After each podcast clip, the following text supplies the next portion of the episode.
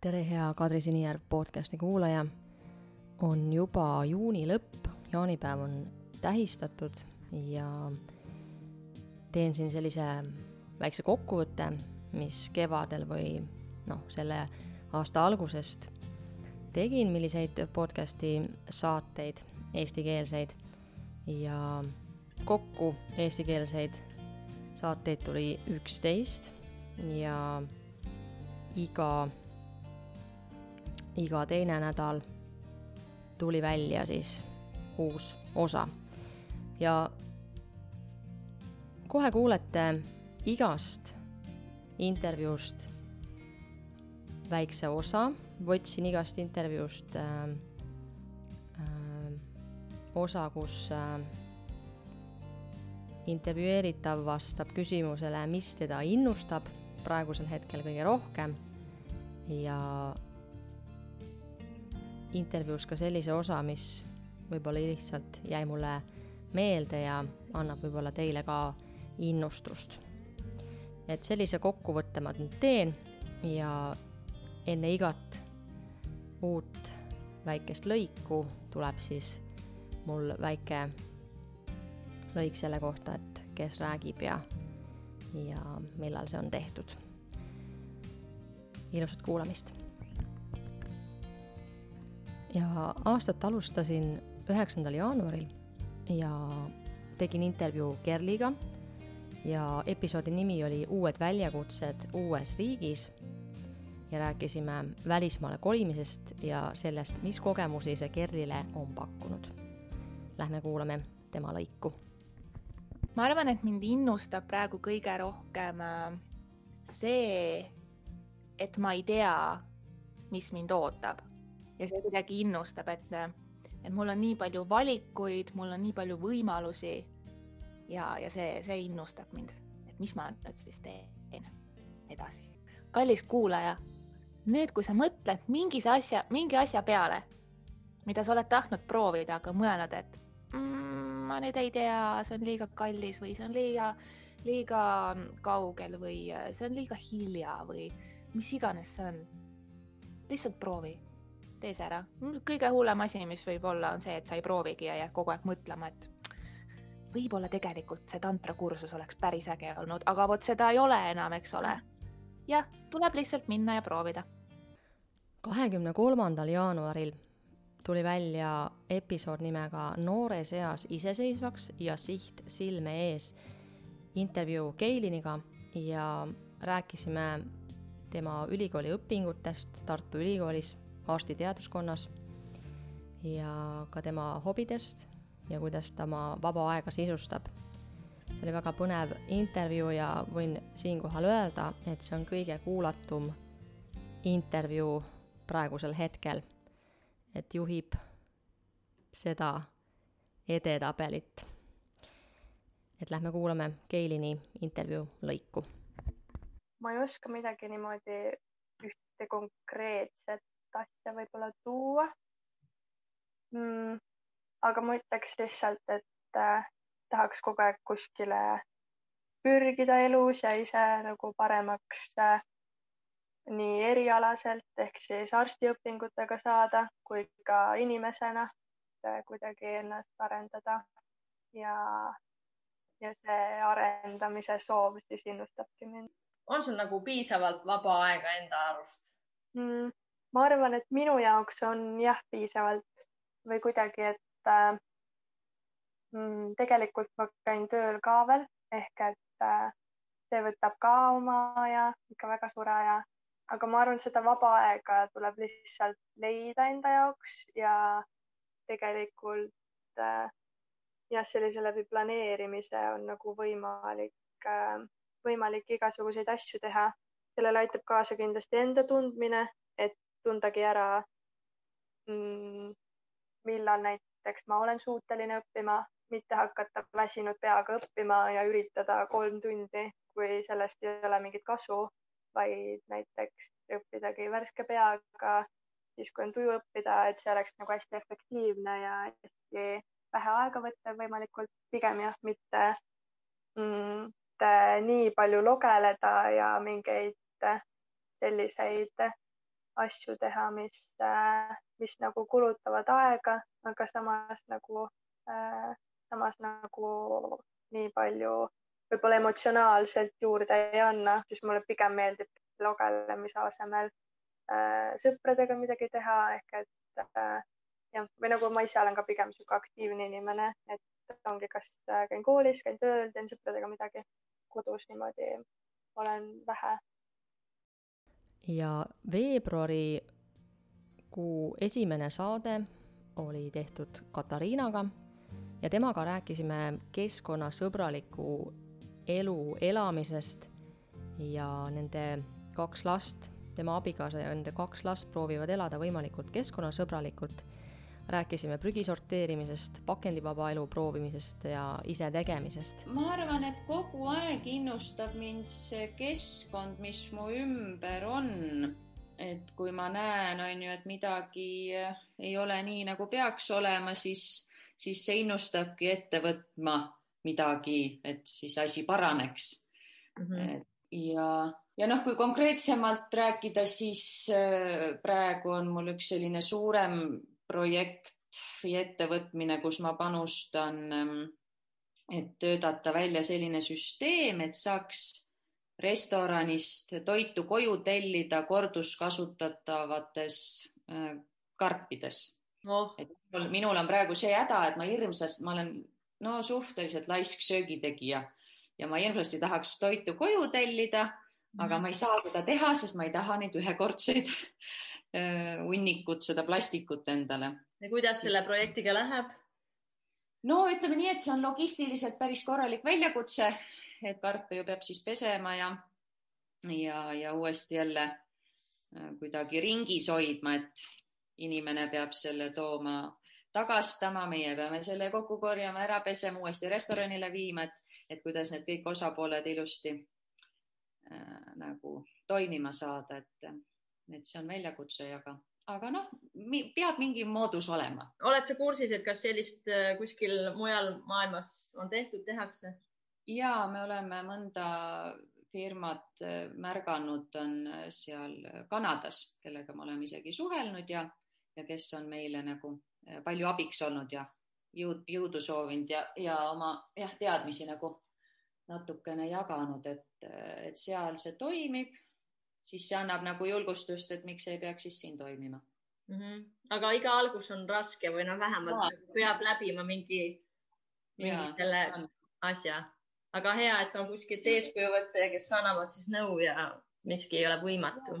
ja just ja noh, kuna me ise ei ole nagu restorani pidajad, siis on jah, seal, sealpool, et peabki noh, kõike ise ei tea, on ju, et siis hästi palju oleme, ongi suhtlemist inimestega ja uurimist, et kuidas, kuidas teised osapooled seda asja nagu näevad, aga, aga mida päev edasi, seda, seda selgemaks hakkab nagu minema, et. Ma saan aru, et sa oled nagu alati tundnud huvi keskkonna vastu ja keskkonnasõbraliku elu vastu, et, et su tase või noh, teie tase seda alustada ei olnud nagu null või kuidagi, et, et äh, sa oled alati noh, mõelnud kindlasti, ma ei tea, et lähed toast ära, siis kustutad tule või midagi, et mida oli veel vaja teha, et millest sa nagu tundsid puudust või mm -hmm. mida sa nägid, et pigem siis, et tahtsid nagu teisi rohkem mõjutada või oli teie mm -hmm. elus endal nagu ja ei no see keskkonnasõbralik elu selles mõttes tänapäeval ju selles kõiges orienteeruda, see on paras nagu väljakutse, et äh, üks aasta öeldakse, et üks asi on siin, äh, ma ei tea, ei ole keskkonnasõbralik, siis järgmine aasta tuleb juba järgmine uuring välja, et tegelikult äh, see hoopis ei ole. et eks jah, selles mõttes jah, need harjumused kõik, et ma ei tea, hambapesu ajal paned veekraani kinni ja kustutad tule, on ju, et need on nagu emapiimaga kaasas. aga, aga just noh, kõik see, ma ei tea, mis puudutas mingeid kosmeetikatooteid ja, ja kodukeemiat ja noh, sellised asjad. just ma tundsin ise, et see on ilmselt seoses sellega, et noh, kõik need beebikosmeetika, noh, hakkas ikkagi nendest lastest, et siis mhm. seal no ikka jah, kuna see huvi mul oli, onju, siis ma jälle uurisin ja vaatasin ja sain teada, et see umbes seda ei tohi kasutada, noh, lõpuks kuni selleni, et, et tänasel päeval ma väga ei julgegi midagi poekaupa kasutada, aga see ei ole ka probleem, sest ise on neid asju kõiki väga lihtne teha. ja kui beebidest rääkida, siis neil ei olegi üldse mitte midagi vaja, et äh, mul vanaema, ma mäletan, et mis mõttes sa pesed äh, last, et sa ei panegi talle seda šampooni või seepi. et noh, see mhm. jah, võibki onju, et vanaema küsimus täiesti õigustatud olla, sest eluaeg on ju, mis mõttes sa ei pese seebiga mm. -hmm. aga siis noh, jälle uurisin ja siis äh, igal pool räägiti, et pole mingit seepi vaja. minu lapsed on see, ei ole veel see, selles mõttes jah, seepi ja šampooni. Äh, no on juba moe pärast paar mhm. korda on pannud, aga, aga üldiselt äh, neil käib see asi jah, lihtsalt. aasta neljas eestikeelne episood kandis nime Lugemine pakub emotsioone ja uusi teadmisi ja see intervjuu oli tehtud Marianniga ja tema loeb hästi palju raamatuid ja me sukeldusimegi raamatumaailma ja küsisin, kui palju ta loeb, mida ta loeb, miks ta loeb, milliseid raamatuid ja järgmisena kuuletegi väikse lõigu sellest intervjuust. Mis sind praegusel hetkel innustab kõige rohkem? Äh, ma arvan, et, et see uus aasta, et on seatud need uued eesmärgid. kas uus aasta on sul alati nagu selles suhtes ka nagu, et jälle nagu uus aasta ja uued raamatud ja uus nimekiri, mida lugeda või, või jätkub sul see alati nagu, on sul nagu eesmärk alati nagu teatud arv raamatuid lugeda aastas? Selle numbriga on niimoodi, et ma vahepeal üritasin seada neid numbreid, aga see kuidagi seadis siukse pinge peale pigem üritan mitte neid numbreid nii palju vaadata, ka iga raamatut nagu eraldi vaadata. niimoodi on rõõm suurem. uue aastaga on see, et mul tavaliselt eh, on detsember ja jaanuar on eh, need kuud, kus ma kõige rohkem jõuan lugeda. aga loed sa nagu ühte raamatut korraga või on sul nagu rohkem? mina loen küll ühte raamatut korraga kuidas sa nagu oma aega nagu planeerid lugemise suhtes, et kuidas sa leiad aega lugemiseks? tavaliselt ikkagi see, et sa teed kõik oma päevatoimetused ära, vaatad õhtul, et kui kõik on tehtud, et nüüd, nüüd on see aeg, et ma lülitan kõik muutused välja, panen telefoni ära ja siis äh, võtan raamatu ja siis noh, sõltuvalt sellest, kui vara ma asjad tehtud sain. Kell kaheksa sai tehtud, siis saad rohkem lugeda, said kell kümme valmis, siis noh, natuke ikka võib lugeda enne magama minekut. aga sellest aastast ma seadsin endale eesmärgi, et tegelikult on hea alustada päeva raamatuga, et hoopis mm -hmm. varem ärgata ja siis lugeda. nii et loed hommikul ka ja siis, kui aega on, siis ka õhtul? praegu küll, jah. kuuendal märtsil tegin intervjuu Marlega ja temaga rääkisin reisimisest ja sellest võlust. ja ta rääkis palju üksinda reisimisest, eksootilistest sihtkohtades käimisest ja natuke ka vabatahtliku tööst innustab siis, äh, ma oletan, et selles mõttes, et kõiki neid asju tegema, mida ma igapäevaelus teen. no jah, kasvõi.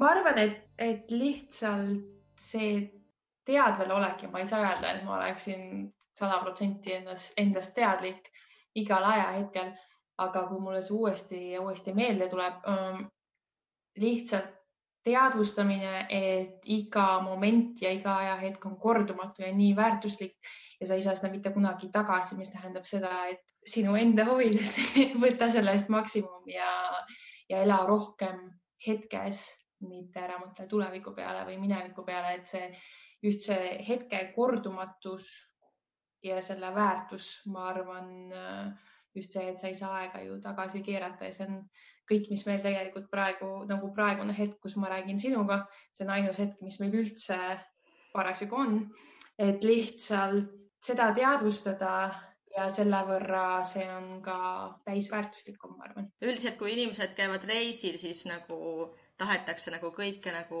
haarata ja kogeda, et oh, ma nüüd jätan meelde selle ja aga samas me võiks nagu iga päev seda just nii, nagu sa ütlesid, et kogeda seda hetke ja jätta nagu neid argipäeva asju meelde või kogeda seda igat hetke.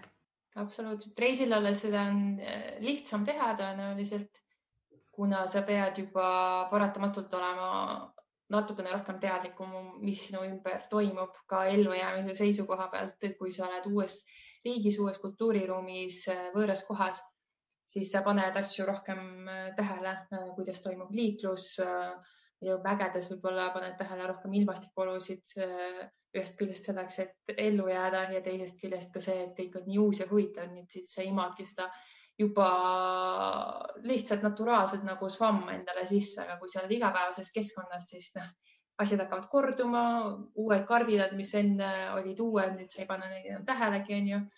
Et äh, reisil olles on seda kindlasti lihtsam teha, aga igapäevases elus jälle on, kui sa seda teadlikult tegema harjud, siis see kindlasti loob väga palju väärtust. kasvõi kui sa matkad kuskil mägedes seal Kesk-Aasias, siis eh, noh, paljud elavad seal eriti suveperioodil jurtades, sellistes suurtes ümmargutes telkides ja neil on siis kariloomad on seal kõrval, et äh, kui sa sealt mööda matkad, siis, siis ikkagi tavapärane reegel nii-öelda nende jaoks on see, et nad kutsuvad sind sisse, pakuvad sulle teed, pakuvad sulle saia moodi asja, sest et äh, kunagi ei tea, kui pika tee see külaline või kes iganes, samamoodi nad käituvad enda inimestega. et sa pead neile midagi pakkuma, sest sa ei tea nende tausta ja sa ei tea nende lugu ja sa ei tea, kui pikk tee neil veel edasi on minna. et see on neil tulnud ka noh, ajalooliselt, et tee, teel olijatele ja sõnumi toojatele ikkagi pakutakse süüa. ja noh, kindlasti selles mõttes tuli kasuks ka see, et, et ma näen teistsugune välja.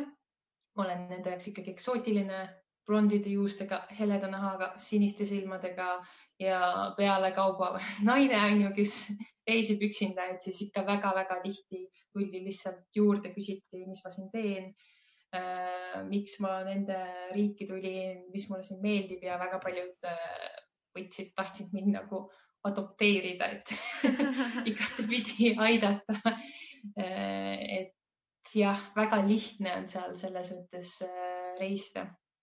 järgmisena oli mul külas või intervjueeritavana Erle, kes oli ka sügise poole mul külalisena podcastis ja tema käest ei küsinud ma seda, neid samu kolme küsimust, vaid temal oli erinevad küsimused. nii et kui mõtlete, et mis asi see seal on, seal lõigus, siis ähm, teate juba ette ära. aga Erlega rääkisime seekord aja planeerimisest ja kui vajalik see tegelikult on ja kuidas aega planeerida ja mida on vaja, et asjad saaks õigeaegselt tehtud. Ja esimene oleks, et äh, hommik või õhtu? mina valin alati hommiku, sellepärast et äh, hommikul kuidagi tegutsemiseks on alati rohkem äh, sellist jõudu, sest inimene on alles tõusnud ja on värske. alati teen, teeksin pigem tegevusi hommikuti ja tihti ma ka tõusen varem ja olen saanud mingid tegevused juba siis hommikul tehtud. Nii, teine küsimus, lugemine või kirjutamine?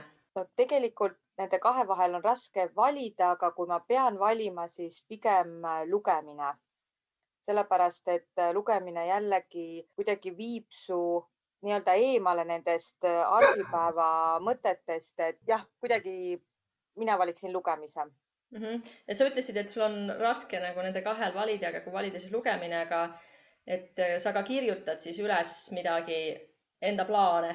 ja alati nii-öelda märkmikusse panen kirja kõik, mis on vaja teha, et siis on need asjad silmade ees mm. -hmm. no see plaan, lugemine ja kirjutamine nagu kuuluvadki kokku, et sa nagu, ma arvan, et sa teed nii, et, et sa loed midagi, sa saad mingi hea mõtte, siis sa kirjutad selle hea mõtte ülesse. ja, jah, et siis äh, saab seda mõtet äh, nii-öelda teinekord äh, kasutada või lihtsalt uuesti, uuesti läbi lugeda. Kolmas sõnapaar, et planeerimine või otsuse tegemine eks need ka tegelikult käivad koos, et kui sa enda nädalat või mingeid tegevusi planeerid, siis äh, alguses ju paned kirja ja selle tõttu, et need asjad on kirja pandud, jõuad sa ka teostuseni, nende ideede, mõtete teostuseni, et äh, pigem jah, nad käivad äh, koos.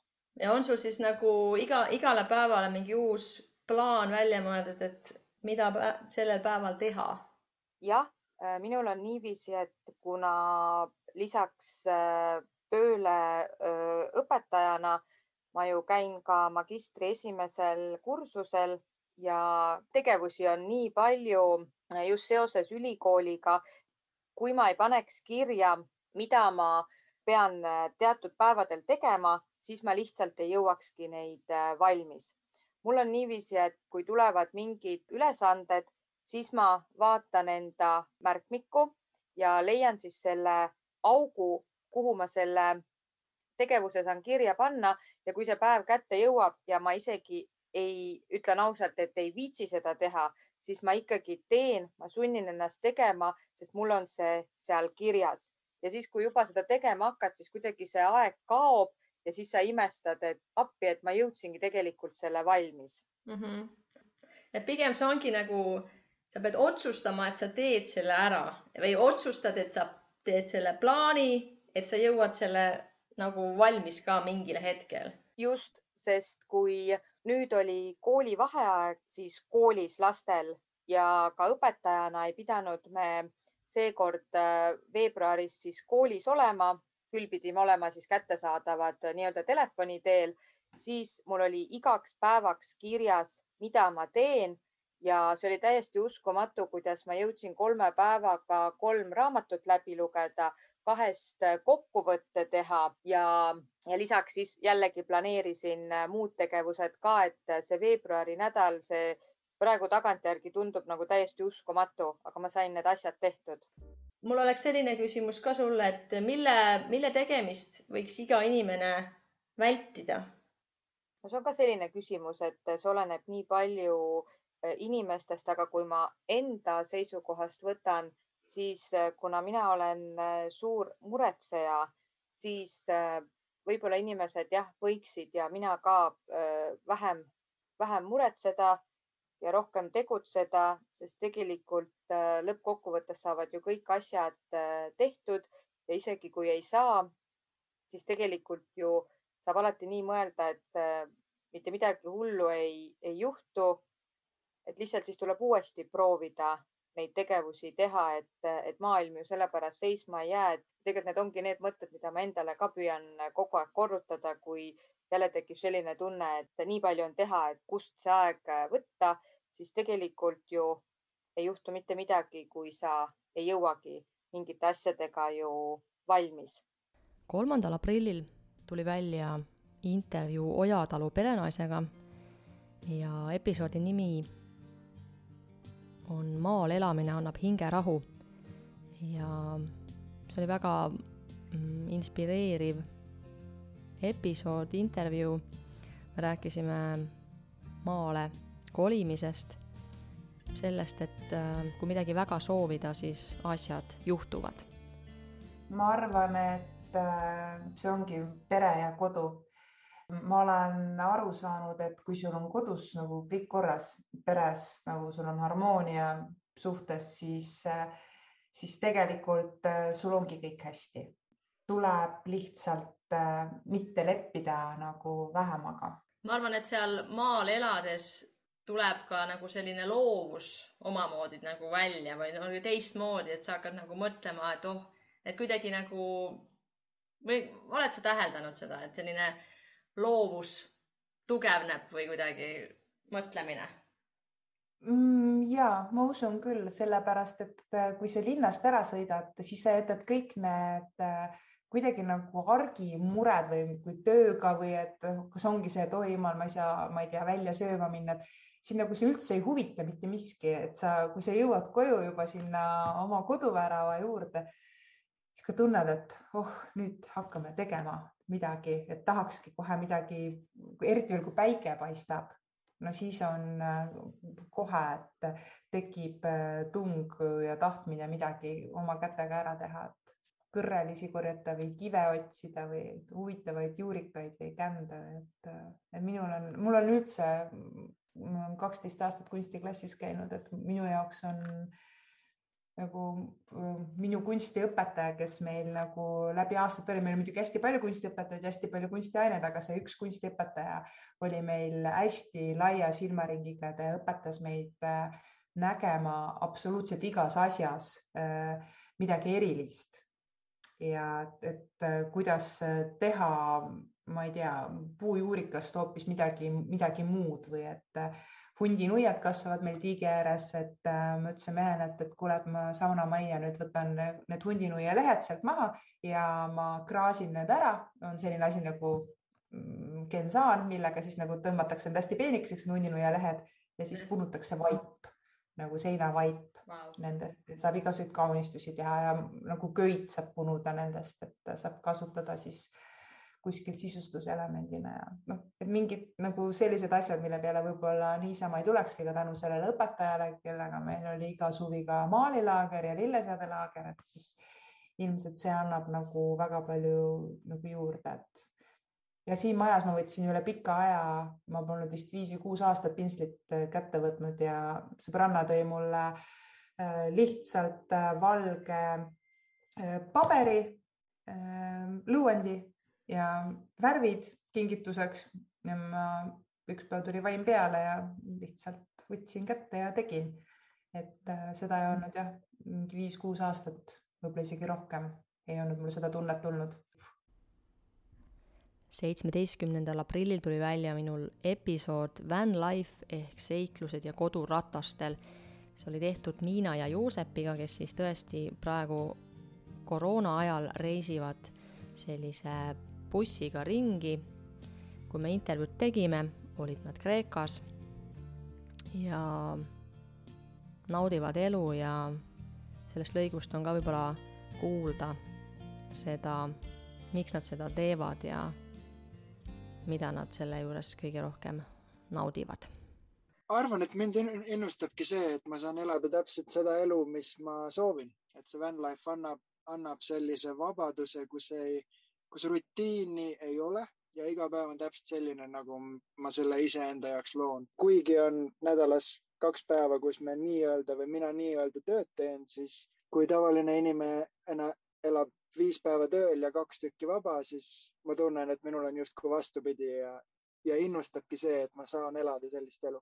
ja siin on tegelikult meie vastus põhimõtteliselt täpselt sama, et meid mõlemaid kannustab ilmselt just see, et me teeme seda, mis me tahame seal, kus me tahame, meil on ratastel kodu, me saame sõita sinna, kus me tahame, kui meil kuskil ei meeldi, me saame sealt ära sõita ja kõik on suurepärane. mida inimesel on vaja, et olla õnnelik? paljud inimesed ostavad selle suure maja ja siis ei ole kuskil neid asju hoida, sest asju on nii palju ja siis komistavad nende otsa, et, et saab hakkama ka niisuguse väikse ruumiga ilmselt see ongi see osa sellest Joosepi kapitalistlikust hüpist, et, et me näeme ja tahame, et me ei elaks sellist elustiili, et meil oleks palju asju ja et me tahaks aina rohkem asju, tahaks aina suuremaid asju, et meil ei ole sellist asja, et me oleme seda suutnud kuidagi edukalt vältida.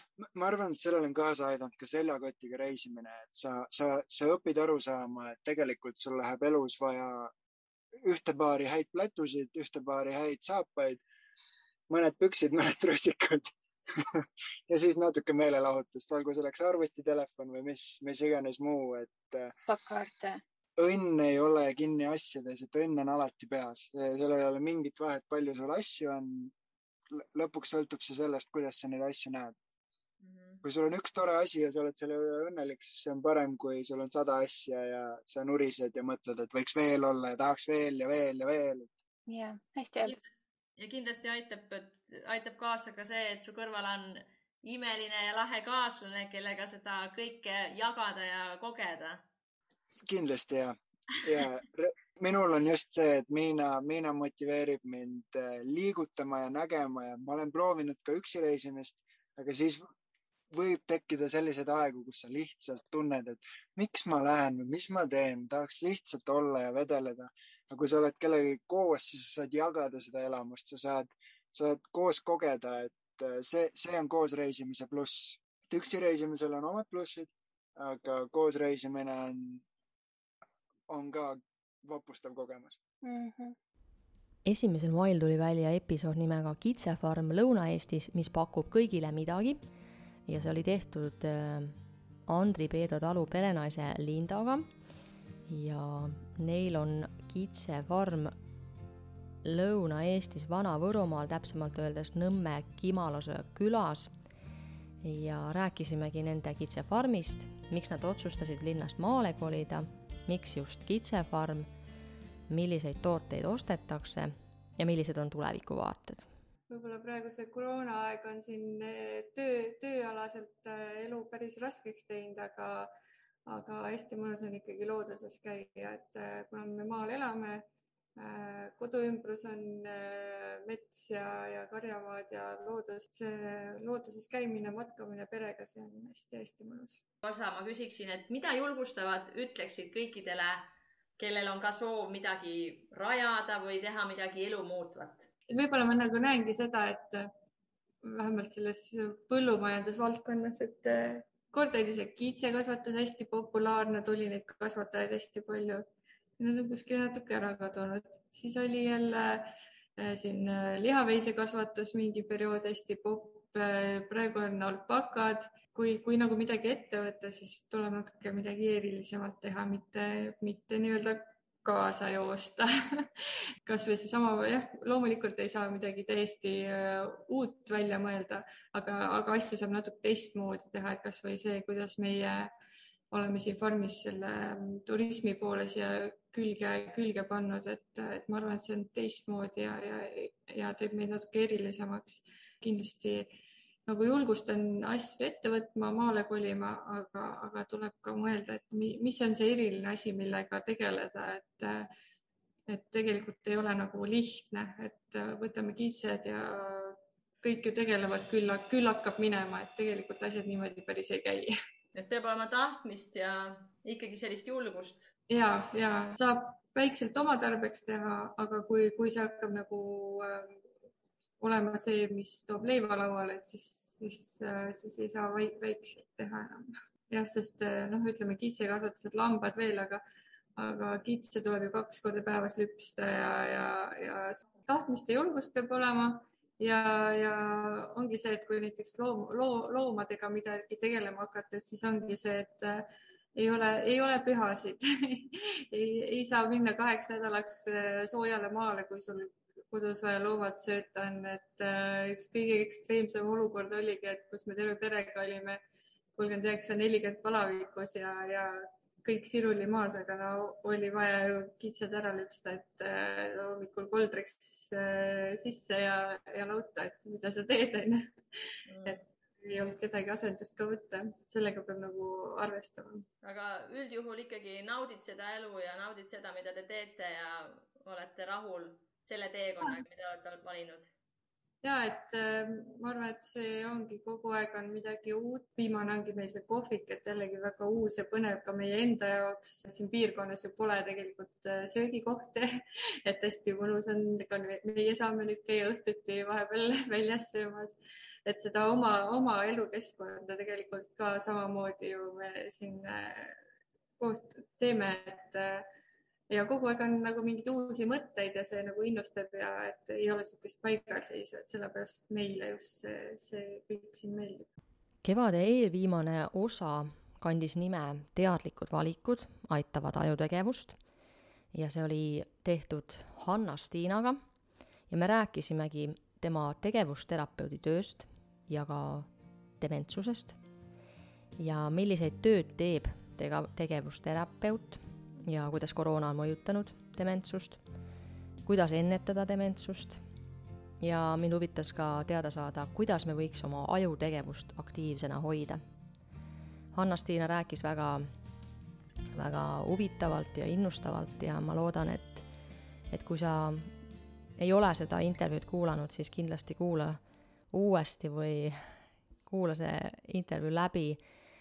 see on seda on leida Google podcastis või Spotify's, nii nagu need kõik teised episoodid, aga Hanna-Stiina oli väga elav näide sellest, et äh, kui midagi teha, kui midagi sellist teha, mis endale meeldib, siis see tõesti on näha ja kuulda ja. mis sind innustab praegusel hetkel kõige rohkem? ma mõtlen jah, et inimesed. inimesed? inimesed ja loodus kaks äh, praeguse hetke märksõna.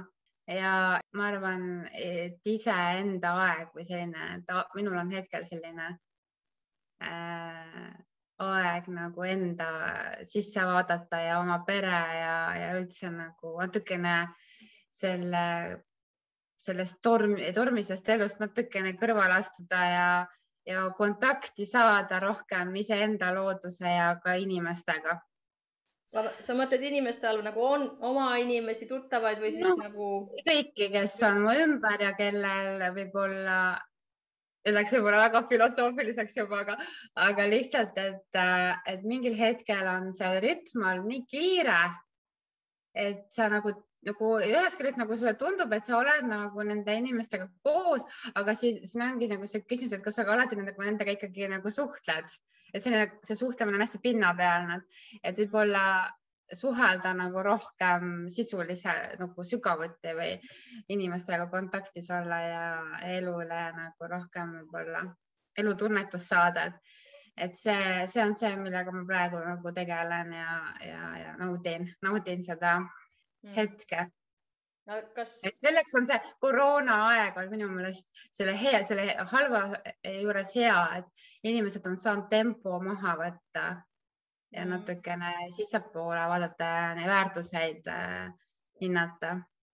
sest muidu on nii, et see lase rääkida, sest muidu on nii, et me jookseme selle elu niimoodi läbi, et me ei olegi aru saanud, et me elame jah, ma just tahtsin küsida, et kas see koroonaaeg on mõjutanud sinu suhtumist või just selle, seda vastust, et mis sind innustab, et inimesed ja ma ei tea, loodus, et kas koroona on sind rohkem siis pannud mõtlema sellele hetkele, ajale ja muudele tähtsatele asjadele, et sa varem ei suutnud võtta seda aega või?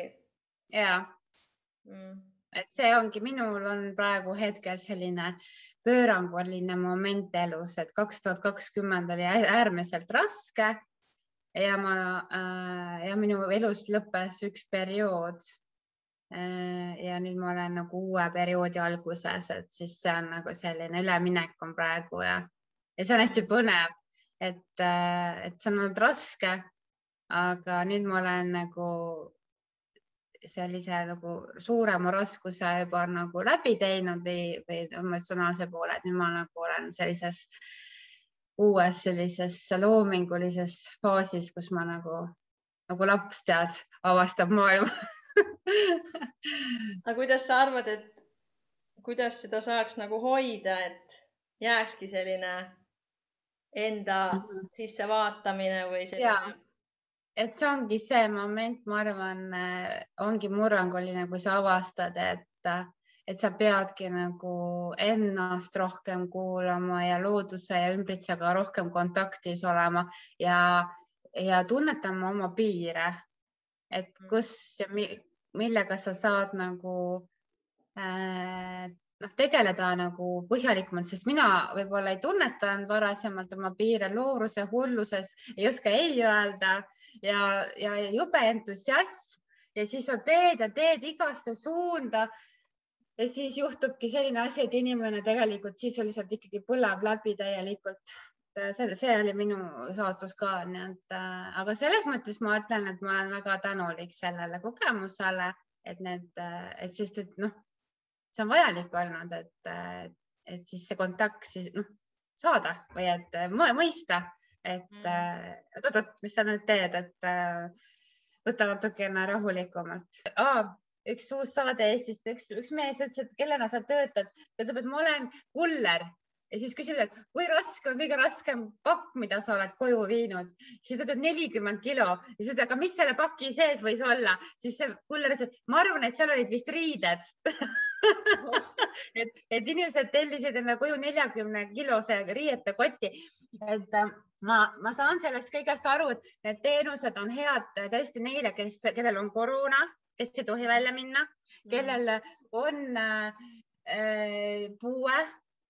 Aga tähendab, need inimesed, kes on käte-jalgade poolest liikuvad, nad ei tohi iseennast teha äh, abitumaks. Mm. ja nii-öelda võtta seda õpitud abitust juurde ja nad peavad mõtlema, mis on selle äh, plussid, et ma lähen ise nüüd ikkagi äh, ma ei tea, käin turul ära, ostan need kartulid seal turul värskest õhust või, või et, et noh, et äh, lähen jalutan äh, lähimasse poodi ja ei sõida sinna autoga. no mhm. tähendab või et kui okei okay,, ma, kui ma poes käin, mul on rasked kompsud, ma käin autoga, aga pärast ma lähen ja jalutan kuskil mujal. et äh, me peame hoolitsema südamele, süda ja viisteist minutit juba päevavalgust ja liikumist värskes õhus juba aktiviseerib meie äh, ajud, ajutööd mm. -hmm. ja, ja meil on, meil on vaja liikuda, meil on vaja värsket õhku juba füsioloogiliselt. aga samamoodi, kas magamine, magamine või puhkusuni? absoluutselt, absoluutselt, aga, aga öelge mulle nüüd ma tahaks kohe kõigi käest küsida, kas, kuidas sa saad magada hästi, sa ei ole päeval käinud õues no,. mina käin õues äh,. ja ei, ma ei mõtle sind, aga ma, ma mõtlen üldiselt nagu kõigile küsimus. ma saan aru, kes või noh, et jah, mina ise olen sellises töös, ma olen lasteaias tööl, ma olen õues ja olen pärast õues ja pärast käin koeraga õues ja siis ma uh. -huh. praktiliselt, mul ei olegi tegelikult telekat, et ma ei vaatagi telekat, aga arvutis ikka näeks filme, aga no lihtsalt, et jah, et peaks nagu olema nagu, et ei peaks nagu kõik nii lihtne olema, et tõesti, et äh, mõned asjad, mis nagu, et ise näiteks midagi valmis teha või noh, et kas need ristsõnade tegemised, need on ju tegelikult ju võiks teha, et sudokud ja mõistatused ja mälumängude vaatamine, kas? jah, aga teate, neuroloogid on selle kohta öelnud ja neuropsühholoogid, et ristsõnade äh, lahendamine on küll väga põnev ja see ongi äh, paljude inimeste hobi ja see ongi hästi tore tegevus. aga nüüd ainult ristsõnadega me ei enneta oma dementsust Nii. sellepärast, et äh, selle, kui sa oled staatilises positsioonis, sa võid ükskõik mida seal lahendada, sa võid, sa võidki maalida, kes maalib, kes äh, teeb ristsõna, kes äh, äh, võib-olla loeb koomikseid, kes vaatab telekat. ja kevade viimane eestikeelne episood kandis nime Olemise ja mõtisklemise olulisus. see intervjuu oli tehtud Kaia Kairega, kellel on selline hundiallika keskus Võrumaal, Võru vallas, Suuremetsa külas ja kahe tuhande kolmeteistkümnendast aastast see on tegutsenud ja see on selline maa, avatud maailmavaate ja enesearengu keskus ja see on olemise, mõtisklemise ja iseenda sissevaatamise ja loodusega koos olemise koht. rääkisime palju sellest, mis seal teha saab, mida nad pakuvad, aga ka muidu sellest, et miks on vaja olla iseendaga ja mõelda mõelda, mis enda ümber toimub ja mis endaga toimub. mis sind praegusel hetkel innustab kõige rohkem, et mul on see kolmas küsimus on selline. ja no ikkagi selline edasiliikumine ja, ja mitte ilmtingimata selles mõistes nagu, nagu sageli me mõistame, eks ju, selline nagu vertikaalselt, et kuidagi rohkem ja, ja suuremalt ja, ja midagi taolist. et võib-olla mind huvitab selline edasiliikumine just nagu sellises sügavamas mõttes, et, et mis kihte veel avastada maailmast, iseendast, loodusest äh, ja, ja noh, see ongi selline noh, käimasolev jõud, et, et mingit, mingeid uusi kihte äh, tabada ja, ja kuidagi tundma õppida ja seeläbi jällegi tuua mingisugust äh, nagu muudatust või, või, või, või mingisugust liikumist siia maailma ka, et, et mitte ainult iseenda jaoks, vaid, vaid nagu laiemalt ja, ja võib-olla sellises natukene natukene laiemas mõistes, kui, kui me tavaliselt neid selliseid innustusi või, või edasiliikumisi mõtleme.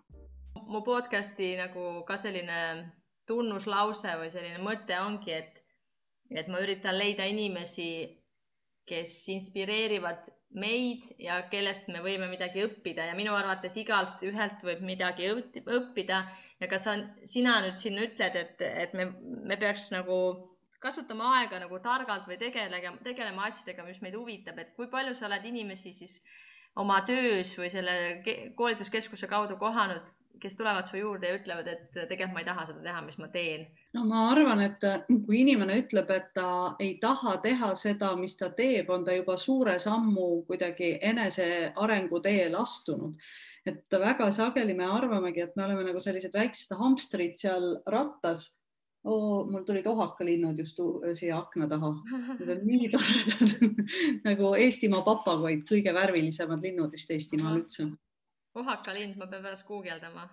ja, need on tõesti nagu väga-väga nunnud ja et, et ja, et inimesed kuidagi äh, äh, arvavad või, või noh, et nad ongi nagu sellises mingis kinnises kastis või et, et, et noh, et võib-olla ei tekigi nagu neid küsimusi üldse, et kas mulle meeldib see või kas, kas see ongi nagu kõik see, mis elul on pakkuda või et, et kuidagi väga tavapärane on, eks ju see, et sa ärkad üles hommikul, lähed tööle, tuled töölt, lähed magama, ärkad üles, lähed tööle, siis, siis on mingi nädalavahetus, siis sa saad kokku võib-olla sõpradega, võib-olla ei saa ka, onju.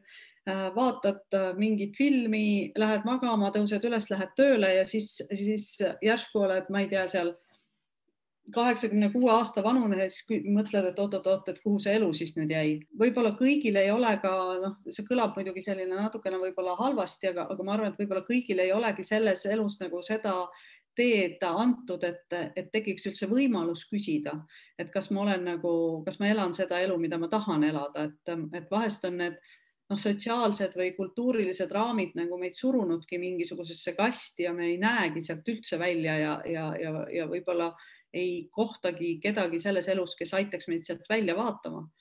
aga need inimesed, kes tänasel päeval juba ütlevad, et noh, mulle ei meeldi oma töö või või ma teen asju, millesse ma ei usu või ma teengi asju ainult sellepärast, et saada raha, aga tegelikult nagu ma arvan, et see ei ole üldse õige asi, mis ma teen, et see juba tähendab minu jaoks seda, et on ikkagi tähele pandud, et oot-oot-oot, et kusagil on midagi muud veel ja see on nagu hea koht, kust nagu alustada. et ma arvan, et kui inimene on seal väga sellises oma rattas, siis noh, et see, see ei ole ka õige sealt teda nagu välja kiskuda või, või, või noh, nagu, nagu liigselt sellist välist nagu survet äh, avaldada, onju. et lähed kusagile tehasesse, lööd jalaga ukse lahti ja küsid, et noh, et millega te siin kõik tegelete, onju, et, tegelikult on ju väga palju siit äh, töökohti ka vaja, et selles mõttes äh, ka neid asju, mida võib-olla ei olegi väga lahe teha, eks ju, et noh, ma ei tea, mingid öised bussijuhid või, või noh, midagi taolist, eks ju. aga, aga me, kui on juba ikkagi tekkinud jah, selline, selline, et õudselt kuidagi kripeldab ja tegelikult üldse ei meeldi, siis see ei ole mitte ainult selline asi, mis kuidagi noh, on lihtsalt ebamugav, vaid see, see on ju konstantne stress ja noh, me kõik teame, mis juhtub nii vaimse tervisega kui füüsilise tervisega, kui stress on nagu pidev ja, ja selline päris suur, siis ühest või teisest kohast hakkab lõpuks tervis ka kuidagi logisema. kui inimene on väga selles nii-öelda rattas kinni, siis ta võib-olla ei panegi tähele, et tal kuidagi nagu mingit stressi on, sest ta ei oskagi muud nagu tahta. kui see, kui see, kui see kripeldus on tekkinud, siis, siis on nagu see võib-olla õige aeg ja koht, kus nagu hakata vaatama, et oot-oot, et aga mis need minu väärtused siis on või, või kes siis ma ise tegelikult olen, mis minu jaoks üldse siin maailmas oluline on. nüüd on kõik äh, intervjuud, mis kevadel või tähendab sellest aasta algusest mul on välja tulnud, eestikeelsed, ja see, see saigi selline parimad palad kokkuvõtte osa ja ma tõesti loodan, et kui sa ei ole veel mingit osa kuulanud või mingi osa väga meeldis, siis sa võid seda alati teha uuesti. ja mulle väga nagu meeldiks, kui sa soovitaksid ka mingit osa või kõiki osasid Äh, oma tuttavale, sõbrale, töökaaslasele, sest minu jaoks on oluline, et, äh, et see, mis ma teen, et sellest saavad paljud osa, mitte kasu, aga osa, sest äh, kuidagi need intervjuud on olnud väga mm, huvitavad, inspireerivad ja kõigil on midagi nagu öelda ja ma, ma ise olen nagu saanud nendest intervjuudest väga palju sellist jõudu ja ma ei tea, head tuju.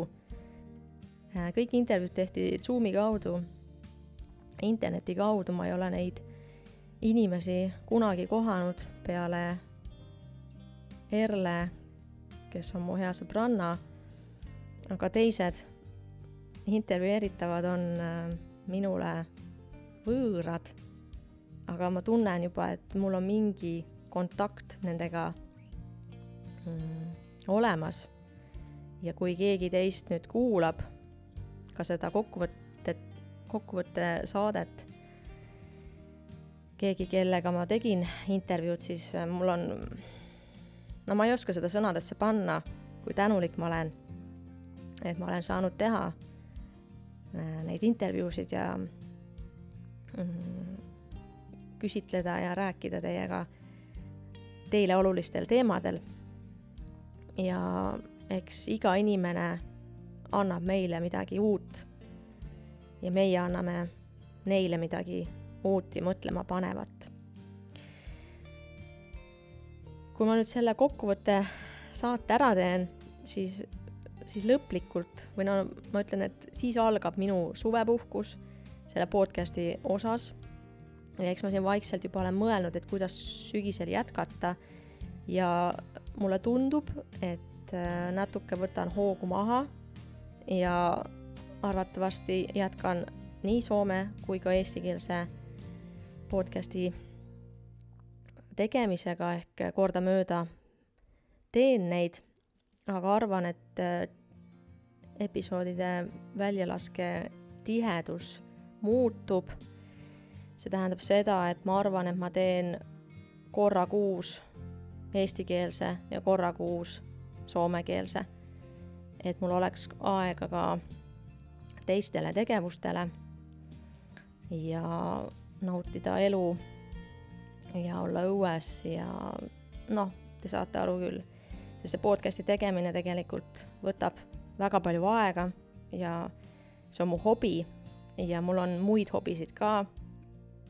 ja mul on tegelikult olnud väga huvitav aeg või kuidagi huvitav jälgida seda, kuidas siin nagu kõik asjad on toimunud.